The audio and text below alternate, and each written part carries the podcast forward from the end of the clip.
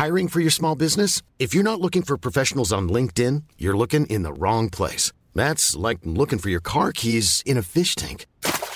LinkedIn helps you hire professionals you can't find anywhere else, even those who aren't actively searching for a new job but might be open to the perfect role. In a given month, over 70% of LinkedIn users don't even visit other leading job sites. So start looking in the right place. With LinkedIn, you can hire professionals like a professional. Post your free job on linkedin.com slash people today.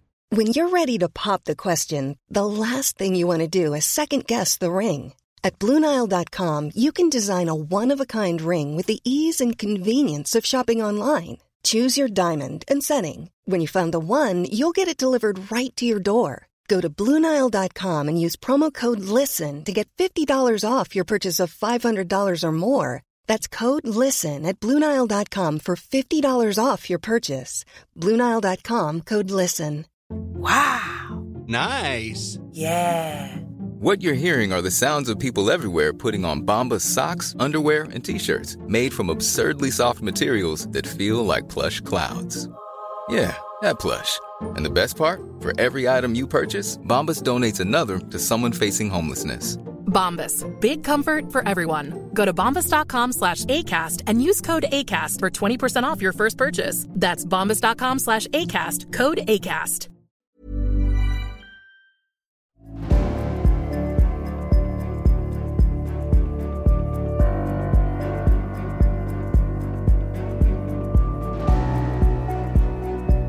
Du lyssnar på podcasten Samtal, en podcast med fokus på fria samtal. Den här podcasten presenteras av tidningen Bulletin. Om du vill få tillgång till samtal sju dagar före alla andra så kan du gå in på www.bulletin.nu och bli prenumerant. Då får du också ta del av hela Bulletins premiumutbud. Kom ihåg att Bulletin också finns som app till både iOS och Android. Länkar hittar du i beskrivningen till det här avsnittet eller på min hemsida www.samtal.ax. Jag släpper nya samtal alla onsdagar året runt och jag tar tacksamt emot tips ifall det finns någon du vill höra i podden. Idén bakom podden är att fokusera på fria samtal. Jag tror att öppenhet är grunden för det demokratiska samtalet och jag vill uppmuntra dig som lyssnar att exponera dig för samtal med någon du inte håller med. Jag heter Jannik Svensson och du lyssnar på podcasten Samtal. Den här veckan träffar vi återigen Bulletins husläkare Benjamin Kallischer Velander för att prata om den nya corona, coronavirusmutationen omikron samt Sveriges status i coronafrågan. Välkommen tillbaks till samtal Benjamin. Ja, tack så mycket Jannik. Trevligt att vara här tillbaka med dig. Mm, och nu har vi ju den här omikron-varianten. Alltså de blir ju de blir farligare och farligare, men namnen blir också coolare och coolare. Det låter ju lite som en transformer. Ja, för, förut var det ju delta och det låter ju också ganska badass. Men omikron, ja. det låter riktigt badass. Ja, som att det liksom vecklar ut sig en, en robot och bara I must break you, delta, I must take over. Ja. Hur har det gått? Har delta-varianten kommit till Sverige överhuvudtaget? Delta-varianten har ju är den dominerande varianten, men du menade omikron kanske? Nej, jag tänker på delta. Alltså jag hörde bara, jag, ja. Det jag har hört om delta det är att oh, den är så farlig, den är så farlig. Men det är alltså den som härjar fritt i Sverige nu. Ja, det är den som utgör i stort sett alla fall vi har nu. Den tog ju över väldigt snabbt från det att vi pratade sist. Precis som man kunde förutsäga. Eftersom den var välkänt redan då att den hade mycket högre smittsamhet. Men hur påverkar eh. den de som är vaccinerade med dubbla sprutor då? Ja, det har ju visat sig att de vaccinerna eh, vi har när man kommer upp i, i två doser så skyddar den faktiskt bra mot, mot deltavarianten. Och, eh,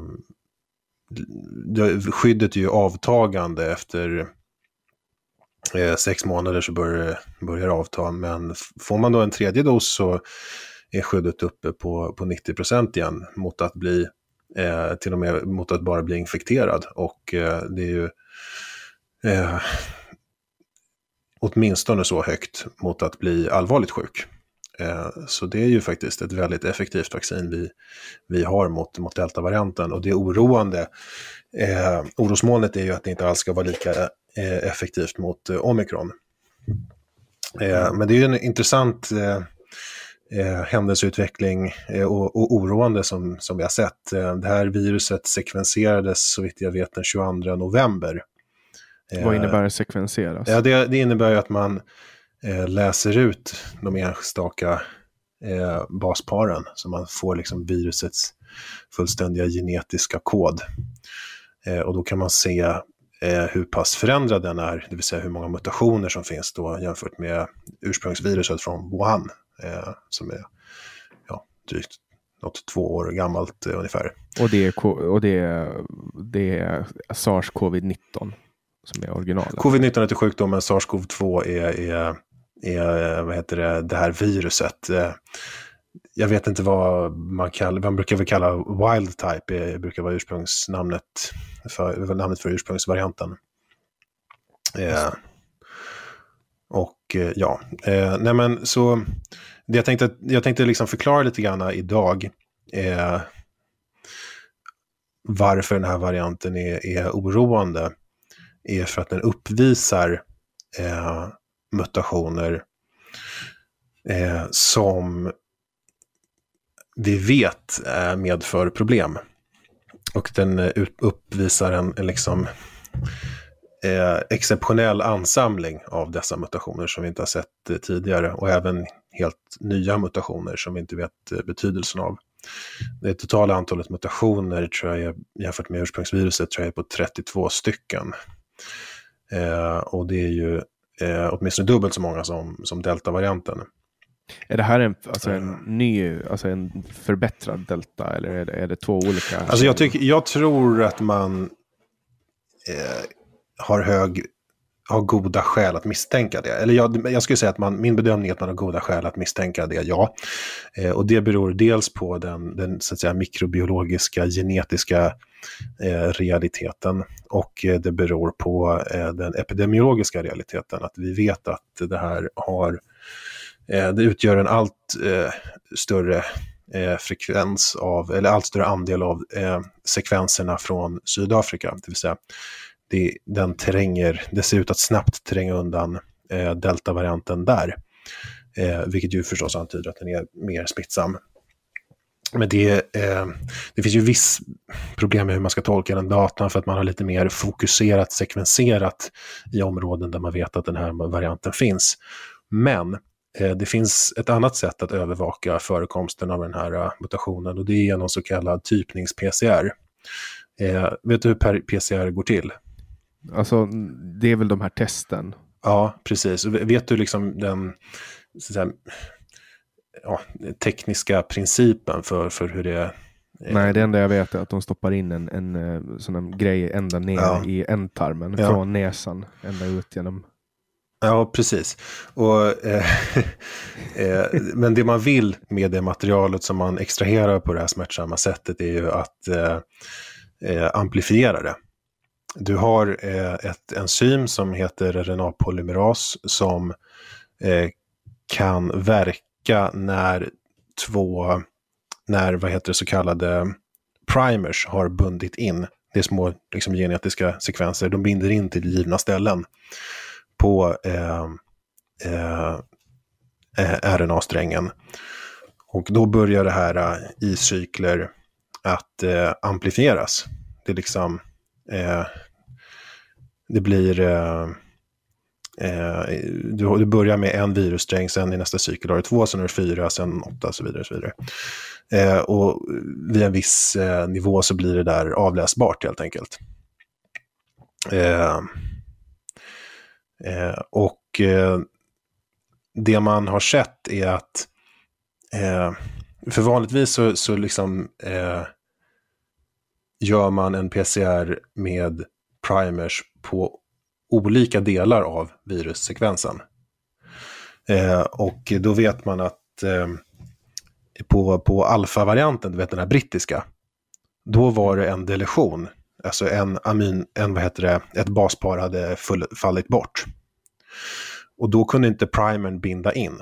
Och då fick du ingen amplifiering av eh, eh, då fick du något som kallas S-gene target failure, alltså S-genen, spike-genen, amplifierades inte. Du fick ingen avläsning av spike. Du kunde Men, liksom inte läsa ut om det var eh, corona eller inte på ett test? Jo, för att du, du fick ju då de andra två som heter N och M, om jag inte minns fel. eh, nucleocapside och membrane. Eh, de generna blev ju eh, amplifierade och detekterade.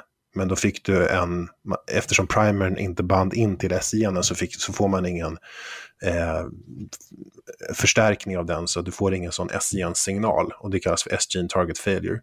Och det kan man se alltså redan i själva PCR, eh, redan i själva PCRen. Eh, så du behöver inte göra den här betydligt mera eh, eh, vad ska man säga, tidskrävande processen att, att sekvensera och läsa ut liksom den fullständiga koden. Och då, utan då visste man då, när den brittiska varianten härjade, så kunde man se att ah, här är, finns ett S-gensbortfall. Jaha, eh, och då, då kunde vet... man baserat på det se att det här var en... en uh... Det här är en brittisk, exakt. Ja. Och den här har också, delta-varianten har inte det tror jag. Eh, det är jag ganska säker på. Så där har du inte en S-gene target failure. Det är den dominanta varianten nu.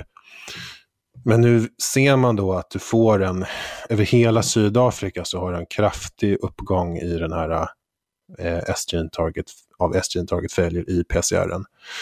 Eh, så att det är inte bara, för, det vill säga det, är inte bara den, den sekvenseringen som antyder det. Och den kan man ju hävda är liksom, eh, man ska säga, viktad på ett sätt så att man liksom överdriver eh, förekomsten. Eh, men, men eh, den här S-gene target failure-datan är ju, gäller ju alla, hel, liksom den fullständiga provtagningen. Eh, och då ser man att den, eh, eh, den förekomsten ökar, vilket ju indikerar att den här varianten är på uppgång i, i hela landet. Eh, så då är ju det, det epidemiologiska skälet att missta, misstänka att den, här är, att den här har en konkurrensfördel. Så, så vad bör Sverige göra nu? Och vad har Sverige gjort nu? Ja, jag tänker, jag, skulle, jag kommer gärna in på det. Men jag vill nörda lite mer, är det okej? Okay? Absolut, Nörda lite mer. Nörda på, bara, bara, ja. bara jag förstår vad du säger. Så. Ja, men det, det är bra om du avbryter när du inte förstår. För ja. om inte du förstår så förstår nog ingen annan heller. Ja. Eh, så be mig förtydliga så, så försöker vi bena ut det här.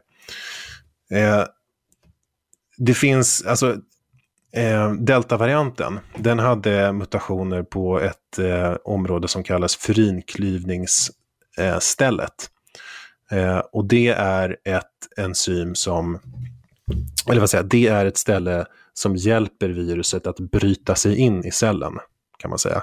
Den delar på receptorn som den binder in till och gör att viruset kan smälta samman med cellmembranet och, och liksom tömma sin, sitt, sin arvsmassa in i cellen. infekterar den helt enkelt. eh, den hade en mutation som gjorde att den här processen gick snabbare. Den här eh, omikronvarianten har eh, flera sådana mutationer på det här stället eh, som eh, verkar helt enkelt förbättra den här potentialen ytterligare. Eller vi har skäl att misstänka att, att, det, att det är så. Eh, sen finns det flertalet eh, mutationer som vi vet eh, är eh, eh, eh, gör, som vi vet medför att de befintliga antikropparna eh, förmodligen binder in sämre. Eh, och eh, det som är relevant där är att det är den typen av antikroppar som neutraliserar viruset som binder sämre. Eh, och eh, därmed inte neutraliserar viruset. Och vet du vad, vet du vad neutralisering eh, vet du vad neutralisering innebär? det innebär väl att den gör att, det inte kan, alltså att viruset inte kan skada kroppen eller komma åt kroppen. Ja, precis. Det innebär att det inte kan infektera celler. Och eh, om, om jag har ett vir, en viruspartikel och så har jag en antikropp och antikroppen har bundit, in till, bundit till, till viruset, betyder det då att det inte kan infektera? Ja, jag antar det. Nej, men det behöver det faktiskt inte göra. Så det kan, eh, trots att antikroppen har jobbat på det så kan det vara ineffektiv mot viruset? Ja, trots att antikroppen har bundit och märkt upp viruset så kan det fortfarande leta sig in i en cell. Det beror ju på vilken struktur som antikroppen har bundit till. Har det bundit till den delen av viruset som binder till cellreceptorn och blockerat den, eh, bindningen, då kan den ju inte ta sig in i cellen, eller hur? Ja, Okej, okay. och coronaviruset skiljer sig från andra virus på grund av att det lurar sig in med det här, formen, med det här spikproteinet och får den att tro att det är en bra sak för cellen, om jag förstår. Ja, det vet... Alla har ju sina sätt att ta sig in. Och de flesta, alltså det är, de, det är ju nog mer regel än undantag att de binder till någon form av cellreceptor och, och liksom tar sig in. Men, eh, men, men du, har, du har rätt vet, i, i det du säger. Jag vet bara inte om det är någon, det är nog inget särskiljande. Men, men, eh, men precis, det, den behöver binda till en cellreceptor. Det är bra att du frågar de här frågorna, så att, eh, för det är nog många som inte vet det. Men den behöver, precis, den behöver binda till en receptor som kallas för ACE2 eh, för att kunna ta sig in i, i, i cellen. Eh, och, och, och, vad jag förstår med det här coronaviruset så skiljer det sig från andra virus för att det är, alltså, det lur, alltså det, det är jävligt frediskt. Det lurar kroppen på ett annat sätt än andra virus. Nej, det, det är ingenting jag känner igen. Nej. För vad är det som gör att det smittar så snabbt?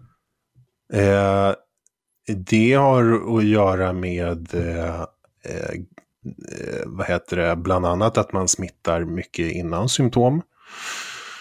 Eh, så att eh, man eh, har ingen möjlighet att liksom veta att man är smittad och drar sig undan. Det har, det har att göra med att nu för tiden de nya varianterna medför förmodligen en, en väldigt hög grad av virusutsöndring innan man blir sjuk och när man är sjuk. Och att de binder numera väldigt starkt och effektivt till eh, den här till, sin, eh, motsvarande, till den motsvarande cellreceptorn så att de effektivt tar sig in i sina värdceller och inte behöver, det behövs därmed inte särskilt hög virusdos eh, eh, för att man ska bli smittad. Det här, det sista där var en spekulation, men eh, jag vet att den binder mer effektivt. Jag vet, men om det krävs en mindre smittdos, det kan jag inte svära på, men jag tror att, det är så i alla fall. Jag hade för mig att det här spikproteinet på något sätt, för mm. man ser de här bilderna på corona hela tiden där det är mm. som liksom taggar som sticker ut, att de på något sätt skilde sig från andra virus för att de lurar sig in i kroppen. Eh, nej, genom att låtsas vara ett bra protein. Men... Nej, nej, nej. Det... Okay. Nej, men man hör, man hör ganska mycket uh, information om, uh, om corona, så jag har mm. antagligen liksom mashat ihop det med massa annat. Ja, ja. Nej, det, det, är ingenting, eh, så, så tror jag inte att det, det känner inte jag igen, att det, att det är på det sättet. Eh, men okej, okay, var var vi någonstans nu? Ja, men okej, okay, så att vi vet att den här, jo, vi pratar om neutralisering i alla fall.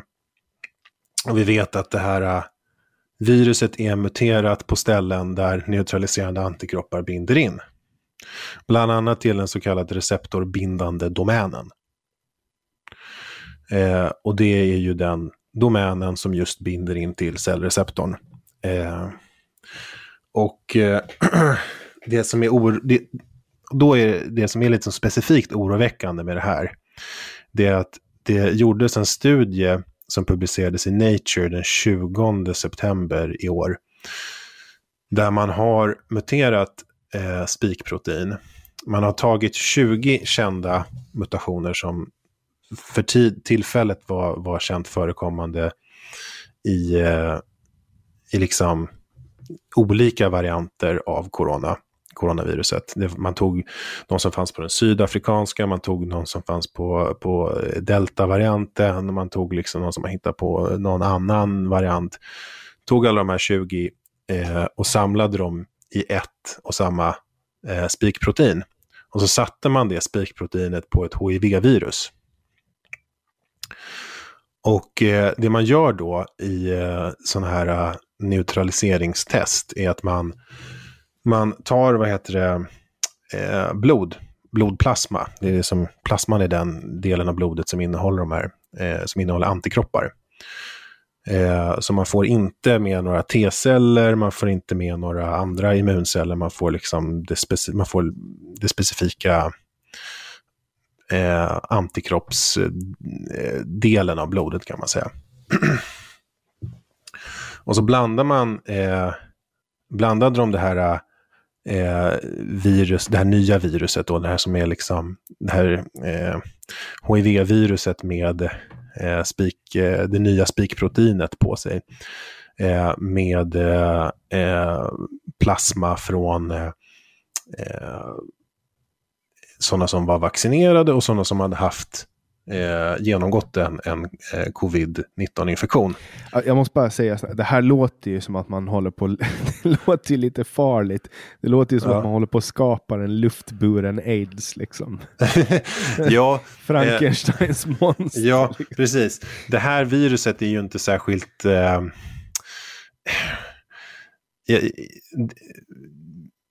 de, har ju, de behöver ju hålla koll på vad de håller på med, men Eh, det är i sig inte någonting som jag tror blir särskilt... Eh, de har nog skäl att tro att det inte kommer bli lätt att smitta, att de själva kan smittas av det. Så, så just det där, HIV, är ju inte ett sånt, HIV är ju inte ett sånt virus som man smittar särskilt lätt av. Du måste ju mer eller mindre komma, alltså få kroppsvätska rätt upp i. Ja, ja men så där sa de ju om fladdermussoppan i Wuhan också.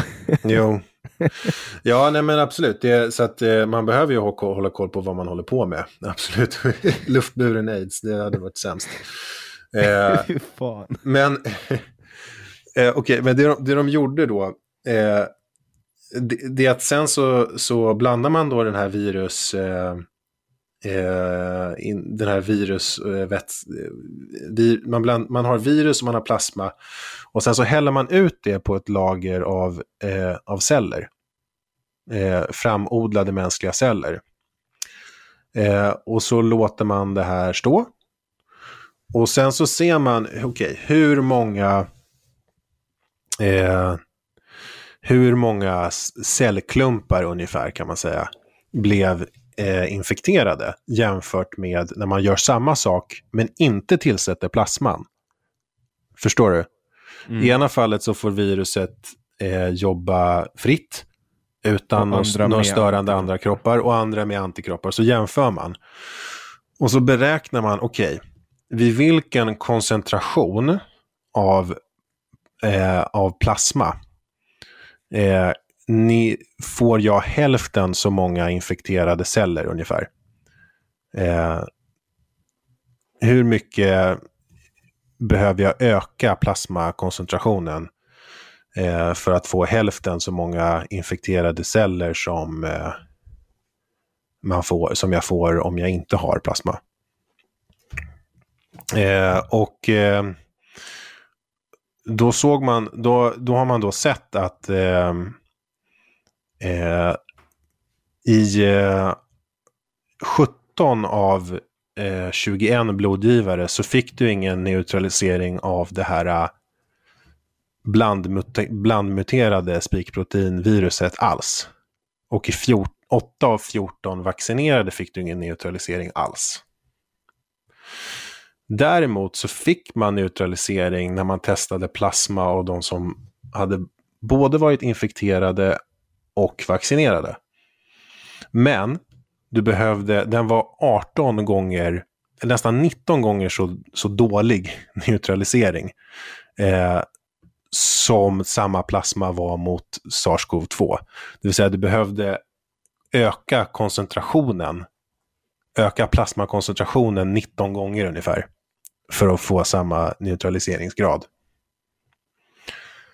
Eh, så att eh, det det säger mig är att om eh, omikron beter sig ungefär som det här eh, polymutanta experimentviruset så finns det en väldigt stor chans att vi inte kommer ha någon att väldigt många inte kommer ha någon effekt av sina antikroppar överhuvudtaget. Det är eh, jävligt dåliga nyheter. Ja, och då är det dessutom så att det här viruset, det här polymutanta, eh, det beskrevs av studieförfattaren som mindre muterat än, vad heter det, eh, än vad omikron är. Det hade 20 mutationer i Spike, omikron har 32. Så nu har vi ett virus mm. som kanske kan komma till Sverige. Mm. Som är i princip verkningslöst Eh, alltså där vaccinationen är i princip verkningslös. Ja, men det är inte riktigt så enkelt att det är verkningslöst. Eh, och vad tror du det eh, Vad tror du att det beror på? Uh, alltså att det kanske på något sätt, antikropparna kanske på något sätt gör att det blir bättre. Exakt, för det, det, det vi, anledningen till hela den här bakgrunden var att det finns ju, dels så finns det de här, det, det jag beskrev nu, det var ju bara huruvida antikropparna kunde blocka viruset från att infektera celler. Just det, så, så vi, vi, vi kanske inte blir lika sjuka helt enkelt. Ja, men det är inte det enda, dels så är inte det det enda antikropparna gör. För de kan, du kan ha antikroppar i den här plasman som du har testat som binder in, men de blockerar inte viruset. Grejen är att när en antikropp har bundit in så är viruset så att säga uppmärkt för att kunna käkas upp av, eh, andra, immun, av andra immunceller. Det är en del av det hela. Dessutom så är det så att ett, eh, ett virus som har infekterat en cell kommer att brytas ner av cellen och sen presenteras små delar av, av virusproteinerna på våra cellytor. Så att våra immunceller ska få en liksom chans att kunna läsa av och checka av att allting går rätt till. Att de proteinerna som produceras i cellen är de proteiner som vi vill ska produceras. Eh, och eh, det här sätts ur spel bland annat när man har eh, den här mekanismen sätts ur spel av, av cancer bland annat. Eh, men den skyddar oss ju eh, mot, eh, mot virusinfektioner. Så då kan ju alltså delar av viruset som inte är ansvariga, som inte så att säga eh, är relevanta för huruvida, hur, huruvida viruset ska kunna ta sig in och lyckas infektera en cell. Eh, de kan ju ändå kännas igen av immunsystemet. Är du med? Ja. Och då presenteras de på cellytan. Eh, och då binder en antikropp in och märker upp det, den här cellen. Och då kan det komma andra immunceller, till exempel NK-celler, natural killer cells, kan komma binda in till binder in till eh, en domän på antikroppen som kallas FC-domänen och eh, aktiveras och tvingar då cellen att gå i apoptos, det vill säga självdö. De, de, det tar död på den infekterade cellen. Så det är ju en del av immunförsvaret som vi kan ha kvar. Så vi kan yeah. alltså som jag tolkar den här mycket komplicerade informationen som man ja. egentligen behöver vara läkare för att förstå, så betyder det alltså att vi kan bli smittade, men vi behöver inte bli lika sjuka som när vi inte hade någon antikropp mot corona och blev sjuka och typ dog. Jag tror att man kan se det på det. Jag tror att det kan vara någon, det kan ligga någonting i den tolkningen du gör. Att dels så tror jag att, att den här cellmedierade försvaret som vi pratar om nu, det borde rimligtvis vara, svår, vara vad heter det, sämre på att skydda mot att man överhuvudtaget blir infekterad. Eftersom det det i huvudsak gör är att det tar livet av celler som redan är infekterade. Men det gör ju rimligen också att infektionen läker ut snabbare. Och då har man, du kommer ihåg det här med T-celler va? Nej. Eller det beror på. ja, okay. Det har varit väldigt mycket snack om T-celler hit och dit. Att man inte bara har antikroppar, man har också T-celler. De gör det som jag beskrev, de så kallade... Det är det här naturliga. Ja, cytotoxiska T-celler, de kan känna igen helt andra eh, vad heter det, ytstrukturer på viruset än de som viruset behöver för att kunna ta sig in i celler. Och när en sån ytstruktur presenteras på en eh, infekterad cell så kan en, eh, en eh, T-cell, en T-minnescell, eh, vad heter det, aktiveras, känna igen det här och eh, tvinga den infekterade cellen att, att gå i, i självdöd och helt enkelt stänga av virusfabriken. Men nota bene, det sker ju då redan efter att cellen först har infekterats. Så du får liksom inget... Eh, det är ju som att du liksom går och... Jag vet inte om du har en fiende som håller på och bygger upp industrier och industri skickar, vad heter det, eh, raketer i huvudet på dig. Så du kan liksom inte slå ut själva... Du slår inte ut raketerna, du slår inte ut arbetarna som går och bygger upp de här industrierna, men du kan bomba fabrikerna. Förstår du? Make, make det någon, ja, någon ja. sens? Alltså det som, det som gör att, att själva förloppet, insjuknande förloppet fortsätter hindras, men fienden är kvar. Ja, det kan man säga. Det kan man säga. Precis. Alltså till slut tar du död, alltså så att stänger du av alla celler som är infekterade, då blir det ju ingen mer virusproduktion mm. till slut. Men, men du har inte det här cirkulerande, neutraliserande försvaret. Alltså du vet när någon... Har du inte neutraliserande antikroppar så är det ju ändå så att när en cell släpper ut, lyckas släppa ut eh, viruspartiklar så eh, har de, då möter de inget motstånd när de sen ska åka och infektera nästa cell. Mm. Så att, men det är så att så här, just nu, det man ska förstå med det här är att just nu så sätts det väldigt mycket tilltro till eh, det cellmedierade försvaret. Alltså det, det sätts väldigt mycket tro, tilltro till T-cellerna. Vårt eh, naturliga immunförsvar. Ja, det är inte mer, vad ska man säga, det är ju adaptivt eh, i hög grad. Alltså T-cellerna har ju en receptor som, eh, vad heter det, eh, den, den mognar ut och den är, liksom, den är virusspecifik. Eh, jag kan, inte kan och bör inte redogöra för den delen i detalj, men eh, det, är, det är vad heter det, T-celler som har eh,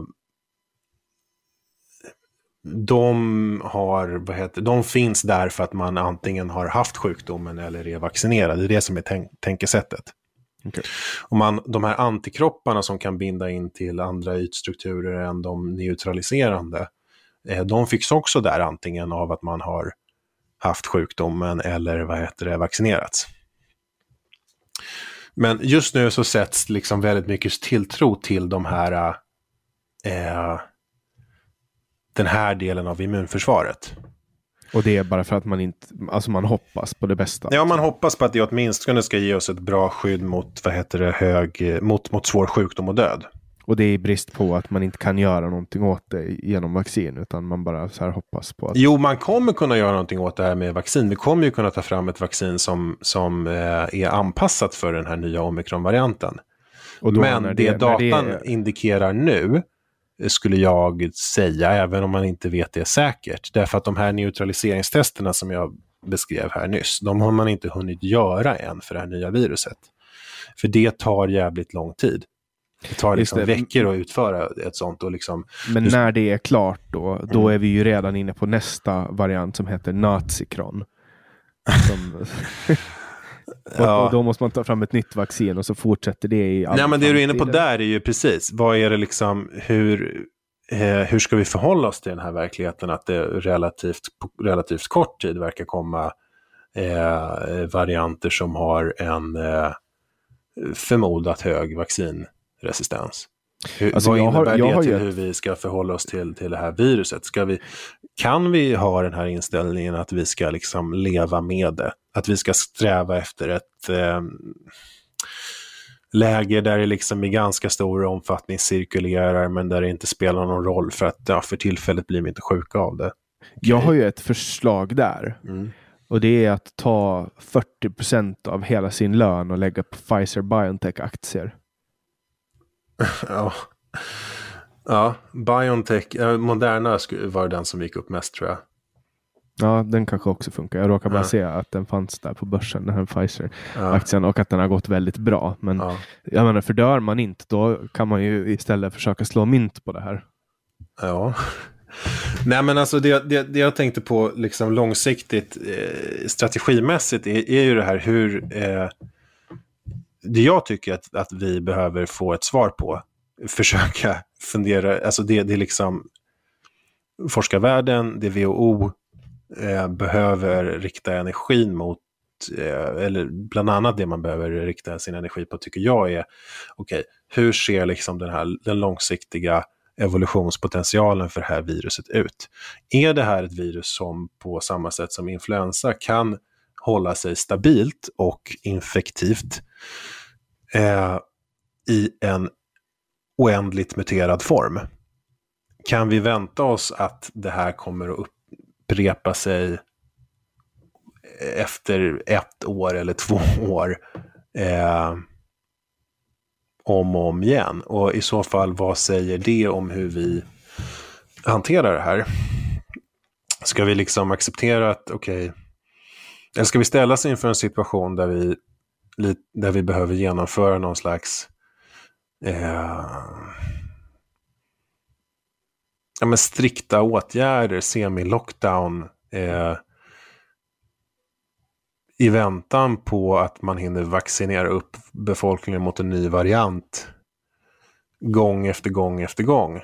Jag menar, blir, någonstans blir den kostnaden större än att gå in för att verkligen försöka eh, eradikera viruset, eller åtminstone hålla vid transmissionen så jäkla låg att eh, man att, att eh, eh, anta att vad heter det, sannolikheten att man får de här nya besvärliga mutationerna minskar. Förstår du vad jag, vad jag far ja, efter? Typ. ja. Kan, det, det, det jag har funderat på utifrån det här är hur är det här, är det en hållbar strategi att vi eh, eh, siktar på att, att eh, viruset ska få cirkulera. Det är I det hög som, om, omfattning. Eh, så länge folk inte blir allvarligt sjuka av det. Eller kommer vi kastas in i de här situationerna då gång efter gång efter gång och finns det ett alternativ till det? Det är det jag tänker på. För nu, nu har man ju kanske bevisat bortom allt rimligt tvivel att det inte går att isolera världen. Mm. Uh, det sprider sig ändå, trots mm. att man isolerar. Uh, och nu är det ju ingen som vill isolera längre. Alltså det finns ju ingen motivation bland folk. Nej, uh. Nej så är det. Det, det, är, en, det är en extrem pandemic fatigue. Å andra sidan, tio år framåt i tiden, och vi fortfarande har den här situationen, så är vi nog trötta på att ha den här äh, om vi tänker oss att det blir så, då är vi nog trötta på att leva i det här äh, ständiga halvundantagstillståndet. Och då kanske man helt enkelt tänker att nej nu fan är det dags för att vi åtminstone här i de delarna av världen där vi kan det eh, ger oss fan på att, att, eh, att nu ska vi utrota här, den här skiten. Nu ska vi få en lokal eradikering av det. Och det måste man ju förstås koppla med en total gränskontroll. Eh, du behöver inte stänga gränsen helt, men du måste ju ha en total eh, kontroll på gränsen. Och du måste ha en väldigt strikta karantänsåtgärder. Det här har man ju lyckats med i liksom, Taiwan, Hongkong och, och så vidare. Eh, så det går. Eh, men det krävs en hel del. De har väl typ och, så 35 dagar karantän eller något sånt? Nej, det vet jag inte. Men de, har, de gör det jävligt seriöst. Eh, inte som man gör i Sverige nu, som vi kan prata om eh, om en liten stund. Men, eh, och då, eh, då kan vi ju, går vi in för det så kan vi ju få väck det här. Eh, om vi verkligen ger oss fan på det. Alltså vi hade kunnat i sommaren 2020 hade vi otroligt låg transmission av, av covid. Hade vi liksom bara bestämt det för oss, då hade vi kunnat få bort det. Eh,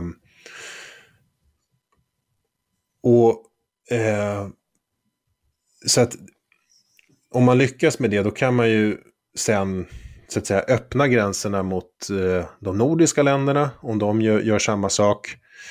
Eh, och eh,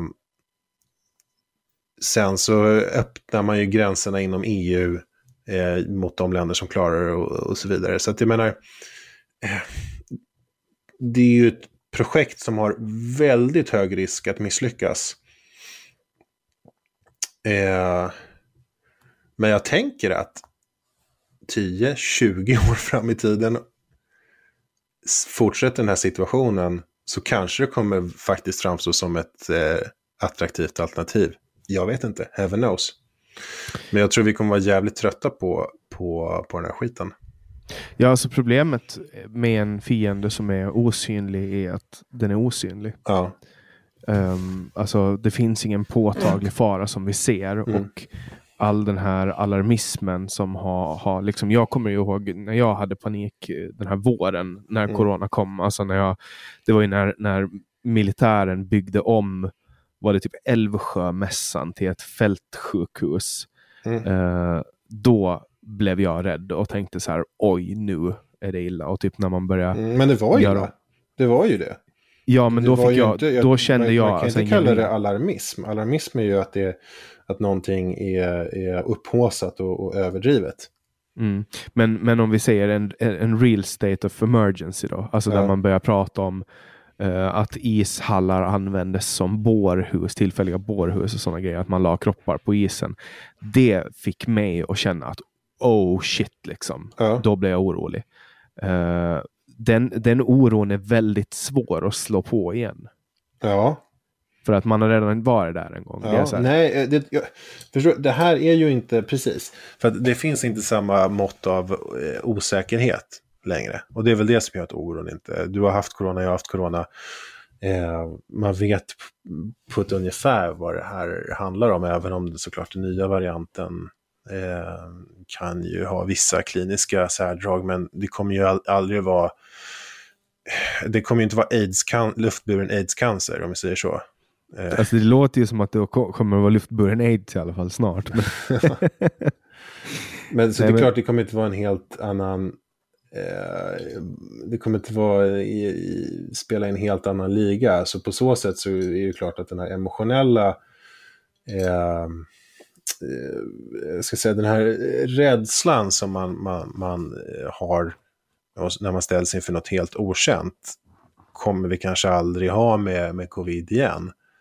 Eh, om det inte sker något drastiskt oförutsägbart. Men å andra sidan så tror jag att vi kan bli väldigt trötta på den här återkommande situationen och längta efter ett, ett alternativ. Och det jag lite naivt drog upp nu eh, är ju ett sånt som liksom har sina företrädare. Jag är inte alls säker på att det är det rätta och det rimliga, men jag säger bara att jag, jag var ganska säker på att det är allt annat än att leva med det här är, innan, så innan omikron var jag ganska säker på att allt annat än att liksom vara inställd på att det här kommer att cirkulera och det kommer att liksom eh, vara en, en eh, del av vår virala fauna. Eh, och liksom eh, ja, vara en del av verkligheten. Det, det är bara helt, att allt, allt annat än det var, var liksom naivt omöjligt. Men jag börjar förstå, eller jag börjar tänka mig att det finns, eh, liksom, eh, kan finnas en, lång, en attraktivitet i att eh, försöka någon, någon mer liksom, lokal, successivt utvidgande erad, eradikeringsstrategi. Eh, helt enkelt för att man kommer vara less på att genomgå lockdowns i väntan på uppdaterade vaccin. Eller liksom den, den här liksom eh, kaosartade situationerna och börssvängningarna och liksom osäkerheten eh, som, det, som det innebär. Eh, och då, därför tänker jag att en förutsägbarhet skulle kunna finnas i att man liksom del, helt enkelt kommer med någon slags realistisk prediktion om det är så. att Kan det här fortsätta i all evighet eller är det så att liksom, ja, det finns o, liksom omikron, några till och sen så kommer det här viruset helt enkelt att och liksom torska för mycket på att mutera. Det kommer att antingen bli sämre på att eh, infektera eller liksom inte göra oss lika sjuka eller någonting i den stilen som, som gör att, att det finns liksom något tak för hur mycket det kan mutera och, och vara immun eh, och liksom lura vårt immunsystem. Men om man ska göra det här Mm. då som, som Tegnell eh, pratade om i början, det vill säga Ja. herd immu- immunity-grejen, Ja. att man bara släpper det fritt, men vi gör en, en behornad variant av det, att vi alla bara fortsätter leva som vanligt. Ja. Och, och, och det här viruset då hypotetiskt sett skulle skena fritt över hela världen och ta de som dör av det. Ja, ja men då måste dö- du ju åtminstone ha en, en, en... eh, Jag har tänkt på det också, men då måste du ju ha en kraftigt utbyggd sjukvårdsapparat som är liksom, där du har en säsongsdriven personal eh, Men- men skulle det dö Nej, men med- förstår du vad jag menar Jannik? Alltså, ja, du, men skulle kommer det ha dö jätte- med alla som dör då? Eller skulle viruset försvinna då? nej men alltså, du, det är det jag sa. Kolla den här, den här, eh, den här muterade varianten, hur, hur liksom många eh, av de som hade fått och tillfrisknat som neutraliserade det. Det var ju liksom bara fyra stycken av 21. Så att det, kom, jag menar, det, det, det verkar ju ha en potential att, vi vet redan nu att det kan infektera. Det, skyddet du får från en infektion är ju inte så långvarigt. Och dessutom så kommer det nya varianter som har en eh, allt starkare förmåga att liksom kringgå eh, immunitet mot gamla varianter. Så det blir ju inte, den här flockimmunitetsgrejen är ju helt eh, hopplös som jag ser det. Alltså flockimmunitet, jag menar naturlig infektion, it's never gonna happen. Mm. Eh, tror jag. Sverige, Sveriges eh, förnekade strategi. Mm. Ja, nej men det är ju liksom... Eh, det tycker jag verkar väldigt eh, orealistiskt. Så att... Eh, men men det, frågan är helt enkelt om vi kan eh, acceptera att eh, om man liksom tänker sig, ja men vi släpper, släpper sargen helt. Hur skulle man kunna parera en sån verklighet? För det här är ju inte ett existenshotande virus. Det, det är ju uppenbarligen så. Det är liksom... ehm, det har Det ju är inte, inte, det är inte pesten. Nej, det, det, det, det slår liksom inte ut samhällsfunktioner i, i kraft av sin virulens. Eh, men det, den, eller ja, den samhällsfunktionen det slår ut är ju sjukvården. För att den blir ju så överbelastad att man liksom inte kan bedriva någon normal verksamhet. I, Och då dör i, folk av andra orsaker. Ja, exakt. Så då måste du ju ha en liksom, uppdelad coronavård. Du måste ju ha coronasjukhus som står standby. Eh, Kanske kan... det ska vara ett sätt att, att liksom stoppa den här arbetslösheten. Man gör coronasjukhus. och Ja, men det är inte så himla lätt bara jag, bara, liksom jag, bara, jag, jag fram. bara tänker lite som Tegnell nu, du vet. Ja, då måste vi ju öka, vad heter det, antalet eh, utbildade läkare och sköterskor drastiskt och så vidare. Och så anställa dem säsongsbetonat. Ja, men visst, då kanske vi kan på något sätt, eh, det, det kan vara ett sätt att leva med det här.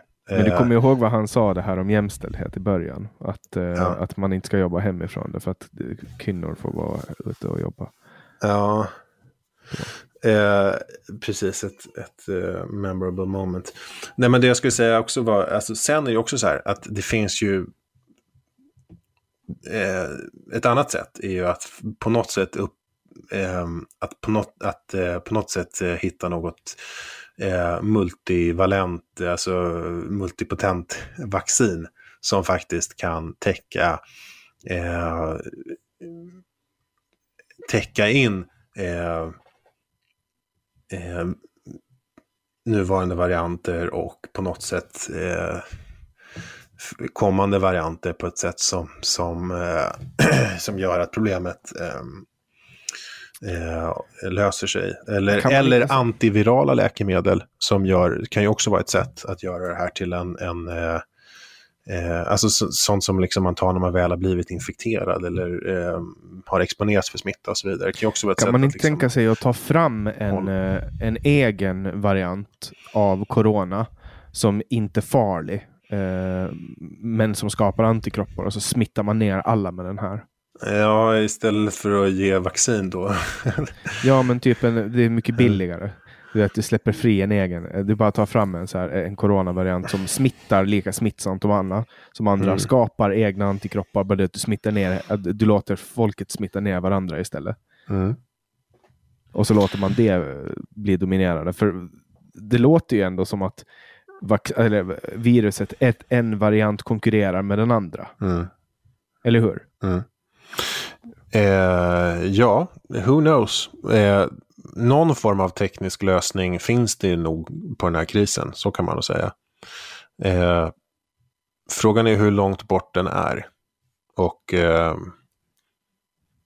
vad gör vi tills vi har den? Ja, vad gör vi? Vi har väl inte så mycket annat att göra än att, än att vara glada över att vi har haft en kvinnlig statsminister i sju timmar. Mm. Eh, man, får ju se på, man får ju se till det bra, Ja. till, till det positiva. Och Anders Tegnell som fortfarande har kvar sitt jobb efter, eh, efter allt vad han har orsakat. Så Ja. vi pratar lite om Anders Tegnell. ja, nu kan vi switcha fokus till, till Tegnell och Sverige om du vill. Nu har vi eh, autistat och nördat tillräckligt. Eh, vet Mm, inte om någon att- fattade ett jävla skit av det, men vi Jag, jag hoppas att ni är hoppas. kvar. Ja. Annars, annars kan vi bara flippa om så att, vi, att när, vi, när vi sänder det här så är den här delen vi börjar med och sen kommer allt nördande i slutet. Nej, nej, nej, autismen först. Okej, okej, autismen först. Ja. Eh, det, din, din idé vinner. Du har, du har eh, idétolkningsföreträde. Nej men okej, men, men Tegnell då. Vi har, vi har Tegnell som har reagerat hur till omikron. Ja, men hans, eh, hans liksom modus operandi är väl eh, att vi, det finns två scenarier. Det ena är att det kommer inte hit. Eh, och det är inte farligt. Det har han ju sagt. Det har sa han om den brittiska. Eh, det kan vara ett specifikt brittiskt fenomen. Det behöver inte vara mer smittsam. Eh, sa han om, den, om deltavarianten också. Eh, det kan vara ett specifikt indiskt fenomen. Det behöver inte vara mer smittsam. Eh, eh, det behöver inte vara något farligt. Eh, eh och eh, så finns det eh, hans alternativ två, vilket är ja, den är här, men det är för sent. Och båda de här, de, båda de här scenarierna innebär ju att man inte behöver göra någonting. Och det, det är vi hans, gör nu det är är hans ju- idé alltså. Och inte behöva göra någonting. Ja, eller jag vet inte, det är väl inte hans, han har väl liksom haft sina polare, de här herrarna som har haft, varit väldigt tongivande, eh, har han väl haft eh, ett samförstånd kring det här med. Vår epidemiologiska nestor Johan Giesek eh, har ju väl varit eh, mycket tongivande i det här och, och eh, de Karin Tegmark Wisell har gjort en större mothugg, men, mothugg och, och Johan Karlsson som har avgått, eh, han eh, Eh, ja, han har varit, det, liksom, det, han har varit införstådd med, med den här typen av... Men Tegnell har inte haft rätt jättemånga gånger. Han har, han har haft fel väldigt många gånger. Ja, men, men det jag skulle säga med, med det man gör nu då, det är att nu eh, så uppmanar man människor som har kommit från Sydafrika att eh, eh, låsa in sig hemma och att ta ett test om de ska stanna hemma i sju dagar. Eh, vad, vad händer när de kommer hem från, på, på, på planet från, från Sydafrika? Eh, de sätter sig på Arlanda Express och så åker de till Stockholm central och sen så byter de till sitt tåg till den eh, mellansvenska stad eller vart de nu bor och sätter sig på ytterligare tåg och sen så sätt, när de kommer fram till den staden så sätter man sig på en buss och så liksom åker man hem. Det finns ganska många kontaktytor bara i transporten hem till hemisoleringen och det är ingen som tar emot dem. Eh, eh, sen dessutom har det visat sig att det, varit, det finns sådana här, liksom, folk har berättat om att det inte finns någon eh, tillgänglig testning för dem. Eh, att det är svårt för dem att, och, och, eller det var i alla fall en som jag läste om Expressen som hade svårt att liksom eh, kunna testa sig helt enkelt. Eh, och eh, de som de bor med, om de är smittade, då kommer ju de alltså att eh, det finns ju en risk att de smittas, eh, vad heter det, rör sig ut i samhället och att de hinner smitta vidare innan man liksom eh, upptäcker att eh, eh, vad heter det, indexpersonen i hushållet var smittad. Eh, det är liksom, så att, att liksom, bara, bara grundidén att, att, liksom du, att du karantänsätter någon i ett hushåll med andra som också inte är karantänsatta. Det är liksom inte foolproof. Eller hur? Nej, det har inte funkat innan. Nej, och sen så det, barn som har varit i Sydafrika, de går till förskolan som vanligt. Barn under sex år omfattas inte av det här. Och jag menar, barn smittar också faktiskt. Ja. Eh, så att vi, vi gör liksom bara marginellt mer än ingenting för att motverka insådden av den här nya varianten. Och jag menar, det, det som var det stora försvaret från Folkhälsomyndigheten och deras anhängare till att, vi, att strategin var bra och att det egentligen inte var något fel på den som gjorde att det var stor skillnad mellan Sverige och de andra länderna, det skulle ju vara att vi fick en mycket större insådd från Alperna eller från andra länder. Att folk var ute och reste mer i Sverige vi tog emot mycket mer coronasmitta och därför fick vi en värre första våg. Eh, och jag menar, det finns ju ändå, så att det, det hänger ju inte ihop med deras egna synsätt att det är egalt hur många vi faktiskt får in eh, av en ny variant. Men eh, och, och det ligger också, det ligger ju såklart någonting i det. Får du in, vad heter det, ju fler du får in, desto snabbare får du en smittspridning och desto liksom större, desto snabbt får du, desto snabbare får du ett större utbrott helt enkelt. Så det är klart att det finns, även om du inte kan motverka, även om du inte kan hindra eh, en insådd helt, så så är det väldigt mycket värt att minska storleken på den. Mm. Eh, och just nu gör vi i stort sett ingenting för, för att hålla nere den eh, volymen, eller vi gör alldeles för lite. Men vad är det som gör att Sverige så konsekvent gör för lite? Ja du, jag... Alltså, jag menar, du har ju haft två år på dig att fundera på det här nu. Ja. Eh, Eh, hur ska jag börja svara på den frågan? Eh, ja, men alltså det, det, finns ju dels någonting väldigt personberoende i det här. Att det här är ett synsätt som några väldigt tongivande människor råkar ha haft. Och det var inte liksom någonting kanske i vår nationalkaraktär eller liksom vår kultur. Eh, som förklarade det, utan det tycker jag, det är nog ganska personberoende helt enkelt. Att det var så. Det hade kunnat vara på något annat sätt. Och sen att deras idéer fick ett så, jag menar att deras idéer fick ett så jävla, liksom blev alenarådande och fick ett så starkt genomslag, det beror ju på den myndighetsstrukturen vi har haft. Att det är liksom, regeringen har ju abdikerat från att vara ledande och beslutsfattande i frågan. Och de har ingen annan eh, vad ska man säga, epidemiologisk eller mikrobiologisk vetenskaplig liksom, kompetens in-house överhuvudtaget. Det finns inget sånt på eh, regeringskansliet, till skillnad från vad det gör liksom, i många... Eh, de har inga andra experter att bolla med än Folkhälsomyndigheten. Och Folkhälsomyndigheten var ju en gång i tiden, alltså det är ju en sammanslagning av Folkhälsoinstitutet och eh, Smittskyddsinstitutet och Socialstyrelsens smittskyddsenhet.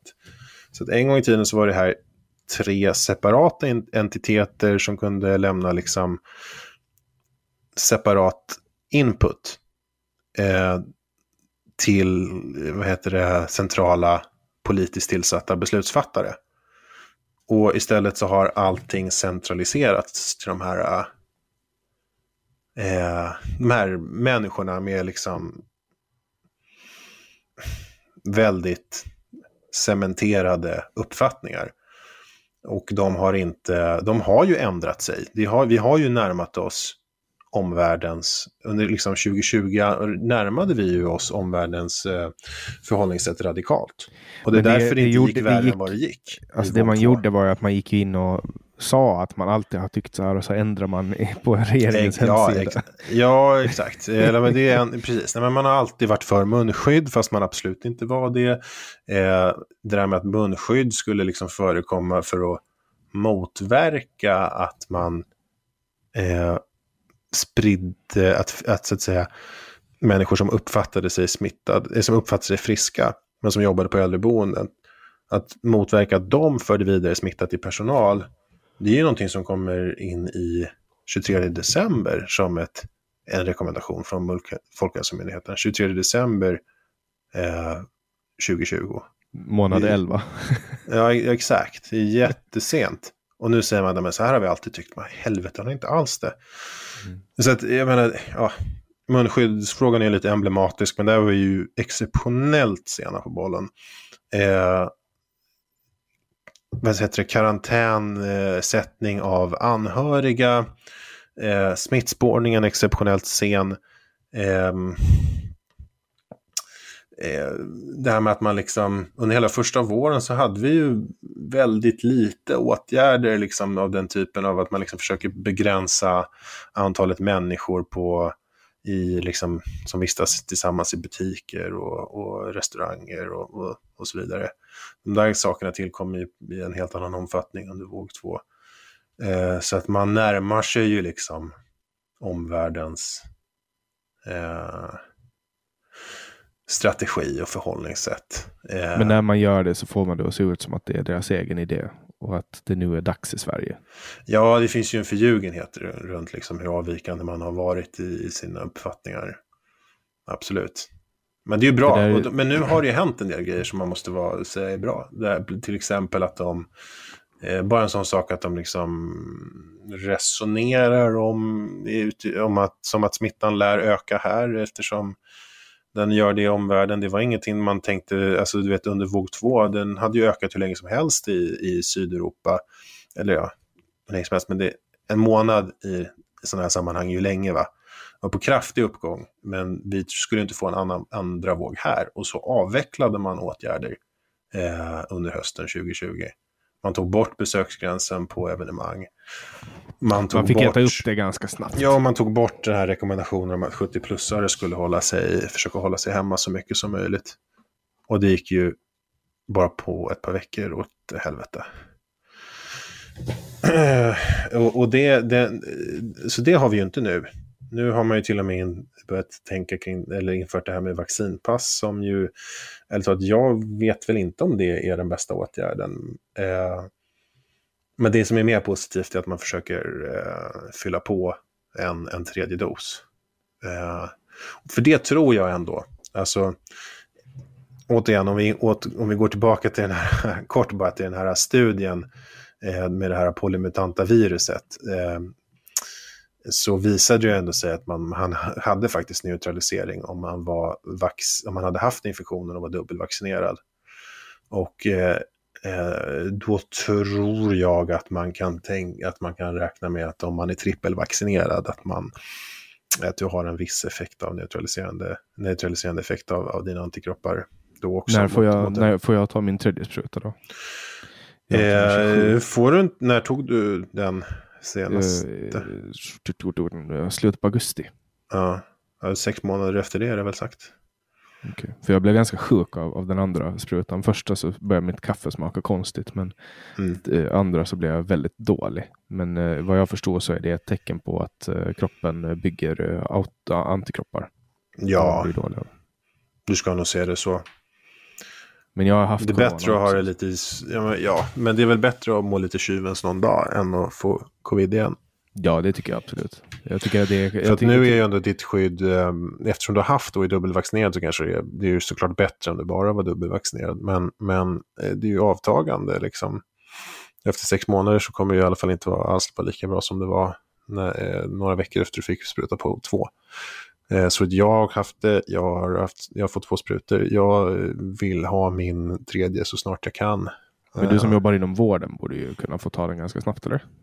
Ja, man kan ju tycka det. Men, eh, Jag jag vill har- bara gå in till de här... De, de har väl... Men de vi är, inte en, vi är inte en prioriterad grupp i den här omgången för, för tredje dosen på samma sätt, verkar det som. Men alltså de kastar ju, vad jag förstår, så kastar de varje dag doser. Ja, Eh, ni borde ju bara kunna gå dit. Ja vi hade nog kunnat sjukhus. vaccinera typ all, alltså, all akutvårdspersonal i Sverige i alla fall.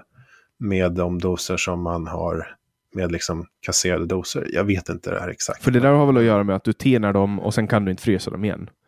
Så då när alla går hem. det, fin, så ja, bara- det finns någon form av hållbarhet där. Som Mm. man... Eh, eh, ja. Det borde vara så här vaccin-outlet-stationer. så man får ställa sig på kö. Jag tycker att det är skitirriterande att man inte har kunnat sköta det här bättre. Eh, och se till att man hade fyllt på eh, doserna för de som man vet har ett sämre skydd nu och som är dessutom är hög risk, alltså i hög grad exponerade. Det vill säga vi som jobbar inom akutsjukvården. Mm. Det är liksom asdåligt att vi inte har fått eh, blivit erbjudna det redan, tycker jag. Hur ser, hur ser det ut på sjukhusen nu, de som kommer in och är, har livshotande eh, tillstånd? Är de mm. i stor del ovaccinerade, eller?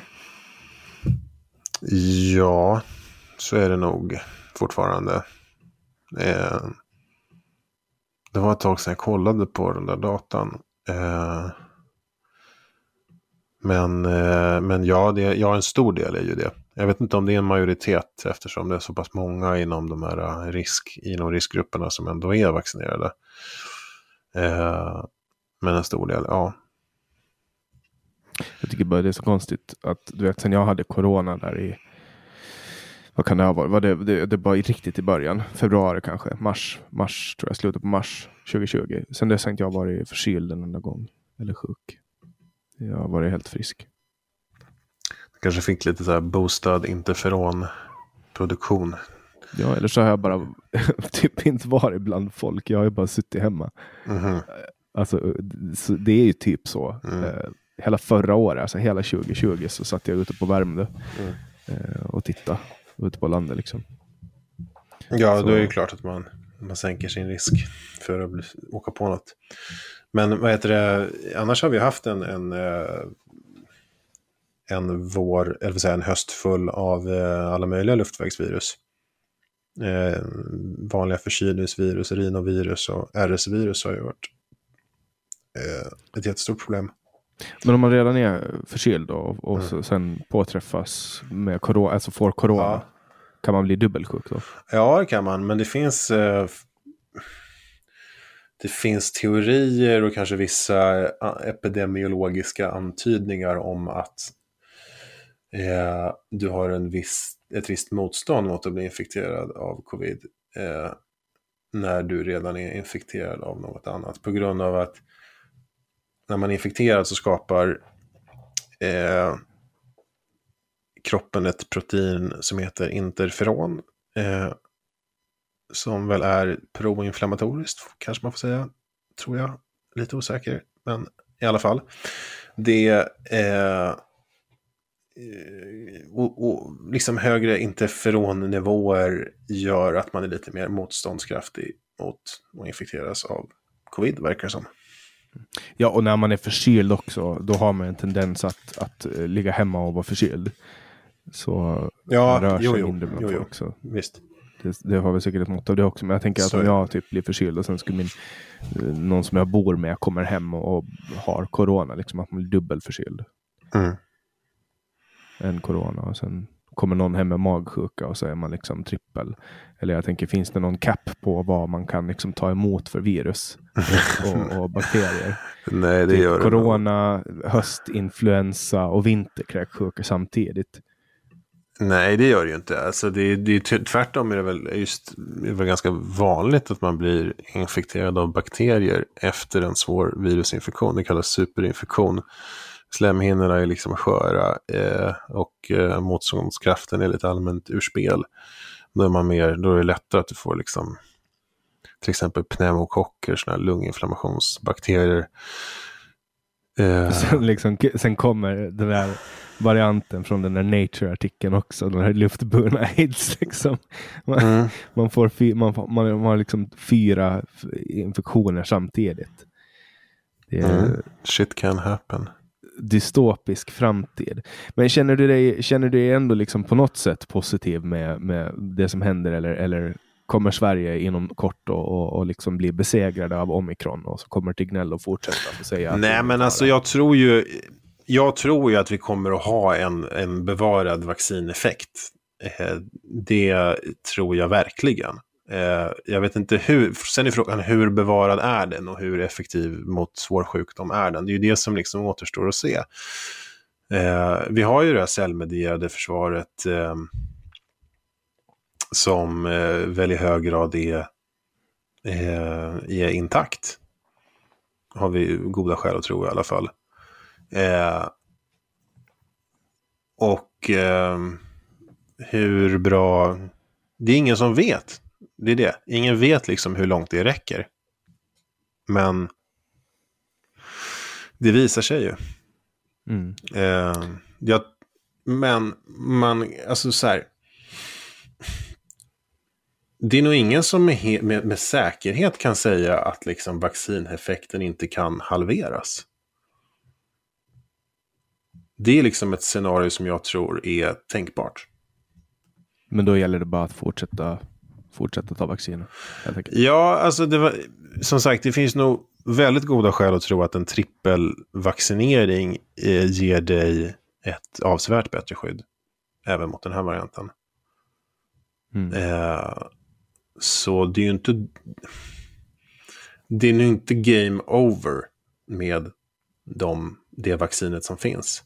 Men, Och sen kommer det ju, du vet det här mRNA-vaccintekniken som vi har nu. Det är ju bara att man byter ut den mRNA-sekvensen som finns i det nuvarande vaccinet mot eh, den sekvensen som är i omikron. Så har du ju ett optimerat vaccin. Men Det det, måste ju har- genomgå en klinisk testning och produktionen måste ju ställas om för att eh, Just det, men basen är detsamma. Det är som att du redan har kolsyrat vatten och sen gör, gör du bara Fanta eller läsk. Ja, eller exakt. Fanta eller Cola. Produktions... Exakt. Alltså, vi har ju hela tekniken finns på plats. Distributionen och så Inf den, ja, exakt. Eh, infrastrukturen är på plats för att, för att få det här eh, ut på marknaden fort. Så det kan ju finnas om hundra dagar. Ett nytt vaccin. Mm. Eh. Och, det, och då är det just in time for Nazicron. Ja, men det är lite det jag förstår det vi pratade om tidigare. Hundra dagar, det är ändå ganska... Alltså... Vill vi ha den situationen, och kanske behövs det två, tre, liksom det är ju mer än hundra dagar, därför att hundra dagar för att få vaccinhelvetet, sen ska du vaccinera igenom hela befolkningen med kanske två sprutor, det är ju liksom, det är ju åtta månaders projekt för, för att liksom få, få pli på skiten. Och den grejen, om du måste gå igenom den, det eländet vartannat, eller varje år till och med. En gång i kvartalet. Fan, det kommer, folk kommer inte orka vaccinera sig. Nej, men då måste man ju, tänker jag, börja fundera på vad, om det är den situationen. Alltså, jag tycker det är så här, det man behöver fundera, liksom försöka predicera, eh, för att säga, är det den situationen som vi potentiellt står inför? Eller finns det en bortre gräns för det här? Kan man liksom förutsäga det? Eh, utifrån liksom någon form av strukturell proteinanalys. Eh, Ja, alltså man borde Ja. ju kunna eh, tänka, alltså jag tänker så här, sätta någon AI att jobba på att fundera ut hur viruset kommer att eh, mutera sig och liksom föregå viruset. Någon sån teknik måste man ju kunna tänka sig. Ja, eller, eller liksom bara, liksom. ja men fundera ut typ, okej, vad är nästa, eh, vad är nästa eh, steg den lär ta för att, eh, eller hur många steg kan den ta för att fortsätta lura immunförsvaret utan att och fortfarande liksom vara ett fungerande virusprotein? Eh, jag vet inte om det går att svara på den frågan, men det är ju om det finns väldigt goda skäl att tro att det finns en, en gräns för hur länge vi, mm, det kan hålla på så, så då är det väl bara att köra på. Men om det kan hålla på i all evighet, då menar jag att man bör, bör kanske tänka över vilka alternativ vi har. Eh, och då är frågan, är det en teknisk lösning? Att vi satsar fett på antiviraler eller något eh, multipotent vaccin? Eller är det en... Eh, eh, eller är det mer en liksom traditionell eh, eh, eh traditionell antiepidemisk lösning? Att man liksom ge, går in som fan för att utrota det lokalt med liksom växande... Ja, eller så kan man ju lyssna på antivaxarna och gå med i ett så här multilevel marketing pyramidspel och sälja ingefärs och blåbärstabletter. Immunförsvarsboosters och dricka mycket te. Ja, och går vi in för något sånt så behöver vi väl ha en, en, en kraftigt utbyggd sjukvårdskapacitet. Som liksom i tid, eh, när det blir säsong så bara... Nu öppnas coronasjukhusen i, i liksom alla stora städer. Eh, och ja, inte vet jag. Jag skulle fan kunna tänka mig att vara så här eh, säsongskoronadoktor. Med, Pestdoktor, men ja, men en med heltid, mask. Jo, men med heltidslön. Jag jobbar när, när det är säsong. Men, och då rycker jag in och jobbar asmycket. Men sen så resten av tiden så, så eh, då kanske jag inte har något jobb för att jag, Ja, liksom, eller, eller, så fortsätter det jag bara ställa- chillar liksom. Ställa jobbiga frågor till Tegnell så att de stänger av dig från SVT. Det, ja, eh, precis. Men det har, det, det, eh, det har de ju redan gjort, höll jag på att säga. Men du, du Eh. får inte vara med alls längre, eller? SVT. nej, nej, SVT sänder ju inte mina, eh, mina frågestunder med honom. Nästan aldrig. Mm. Då har de ju eh, kommit fram till att de inte kan, kan göra. Liksom. Så de brukar ju variera sändnings, den totala sändningstiden. Även om det inte är något program eh, inbokat efteråt så har de ändå liksom en total sändningstid som är kortare. Eh, med konsekvensen att, eh, att eh, mina frågestunder inte sänds. Det är ju en bra, det, det visar ju att du har gjort en journalistisk bedrift. Och för de som inte hänger med på vad vi pratar om nu så är det så att Benjamin har varit ett stort fan av de här presskonferenserna eh, och ställt frågor. Eh, och gång på gång har Tegnell fått jobbet att svara på de här frågorna och lösningen på det har varit att man helt enkelt inte sänder när Benjamin ställer frågor. Och när Benjamin tog semester då återupptog de frågestunderna. Att så, Ja, då sänder de ut hela liksom. Med, Men sen när han kom tillbaka så slutade de. ja, igen. ja. Så. Ja, det, var, det fanns en klar korrelation där. Mm. Mm, det, det är ganska roligt. Ja. Sars Benjamin Kalischer Velander, mina damer och herrar. Jättestort tack eh, Benjamin för att du ville vara med i en, eh, en återkomst helt enkelt i, i podcasten. Samtal. Yes. Tack ska du ha. Och eh, till alla er som har lyssnat så hoppas jag att ni orkar nörda er igenom, eller orkat, orkade eh, nörda er igenom ytterligare ett avsnitt om corona. För även om eh, man må tänka sig att, att vi har behandlat det här tillräckligt mycket så är det ett ämne som är aktuellt för vår samtid. Och jag tänker att det är någonting som vi behöver höra, speciellt nu när det händer nya saker. Och nästa vecka är jag tillbaka med ett nytt samtal. Ni får jättegärna gå in på min hemsida www.samtal.ax och önska nya gäster. Jag tar alla era önskemål i beaktande. Jag släpper nya samtal alla onsdagar året runt. Jag heter Jannik Svensson och du har lyssnat på podcasten Samtal.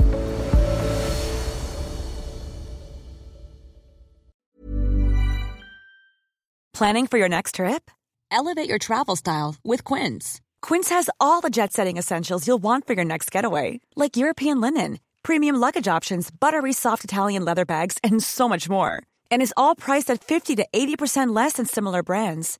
Plus, Quince only works with factories that use safe and ethical manufacturing practices. Pack your bags with high-quality essentials you'll be wearing for vacations to come with Quince. Go to quince.com slash pack for free shipping and 365-day returns.